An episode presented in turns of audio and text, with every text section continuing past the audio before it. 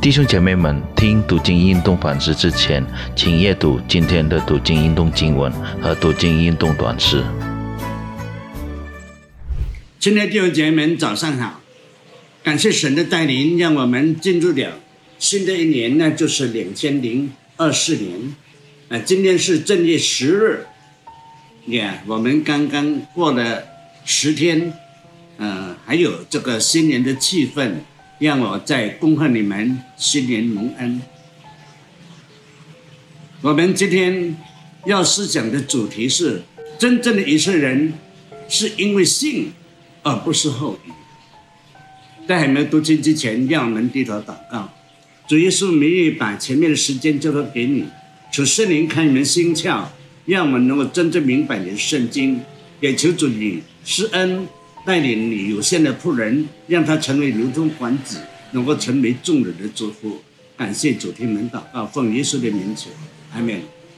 今天我们要念的经文是《罗马书》九章一到二十九节，但因时间的关系，我们只念二十五到二十九节。二十五到二十九节这么说，就像神在何西亚书上说。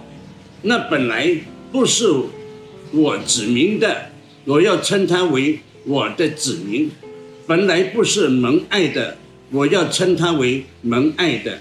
从前在什么地方对他们说：“你们不是我的子民”，将来就在那里称他们为永生神的儿女。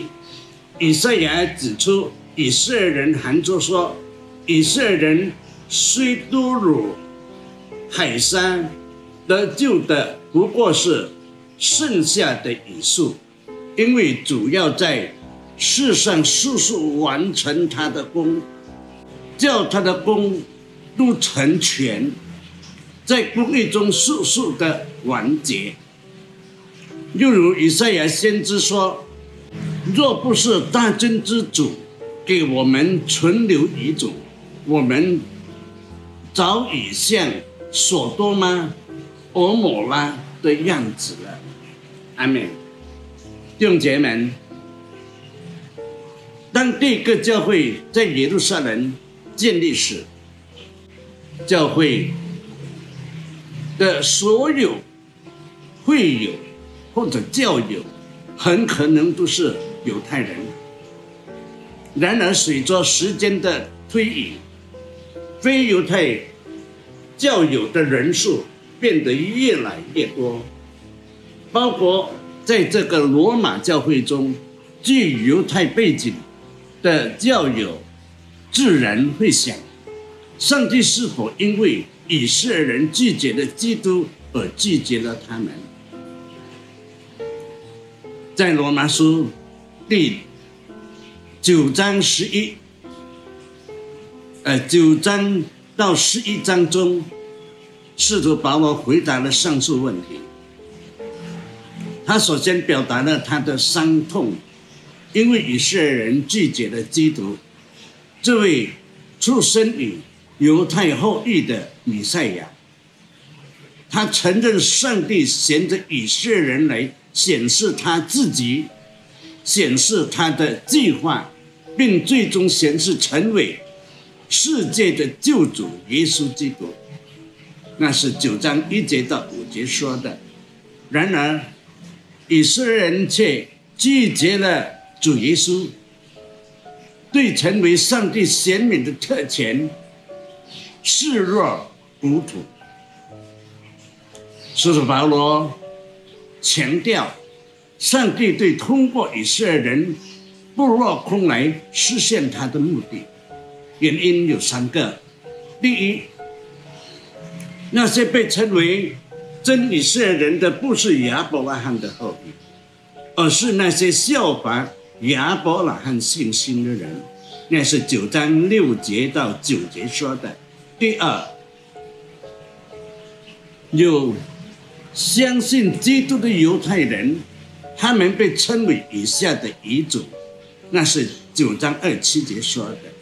第三，最重要的原因是从开始，上帝对以色列人的选择完全是基于他的主权和恩典，而不是基于所选择之人的行为。那是九章十二到十八节说的。使徒保罗从摩西书中和先知书中给了各种证据，是上帝选择的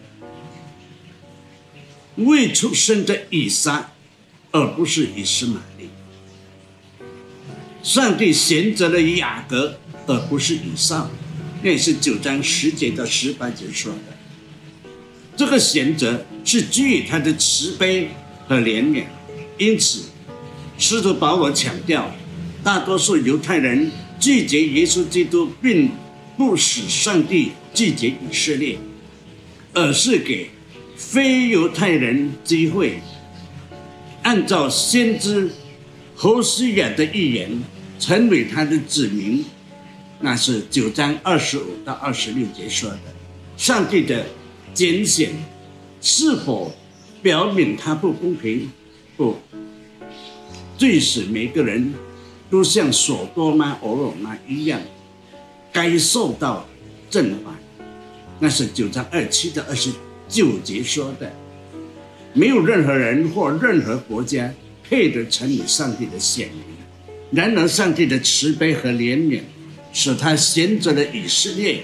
和所有相信耶稣基督的人作为他的子民，上帝的拣选不应该让我们质疑上帝的公义，而应该让我们感谢上帝的爱和怜悯，选择我们成为他的选民。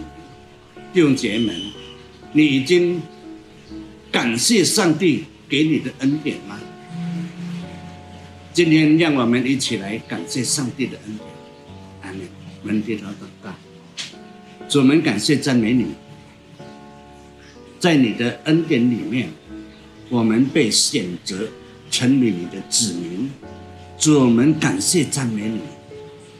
我们知道，今天我们能够成为你的子民，那都是因为你的恩典和怜悯。所以，求主你给我感恩的心，不尽的感谢你。使我们的灵性能够一直的长进，能够成为你的见证人，把你的福音传遍天下，使你的名的荣耀，你的国度慢慢的扩展起来。感谢你听人祷告，再去把这两千零二四年一整年的时间交给给你，求主照着你的旨意来引导我们每一位。感谢主听闻祷告，奉耶稣的名求，阿门。愿上帝。赐福大家。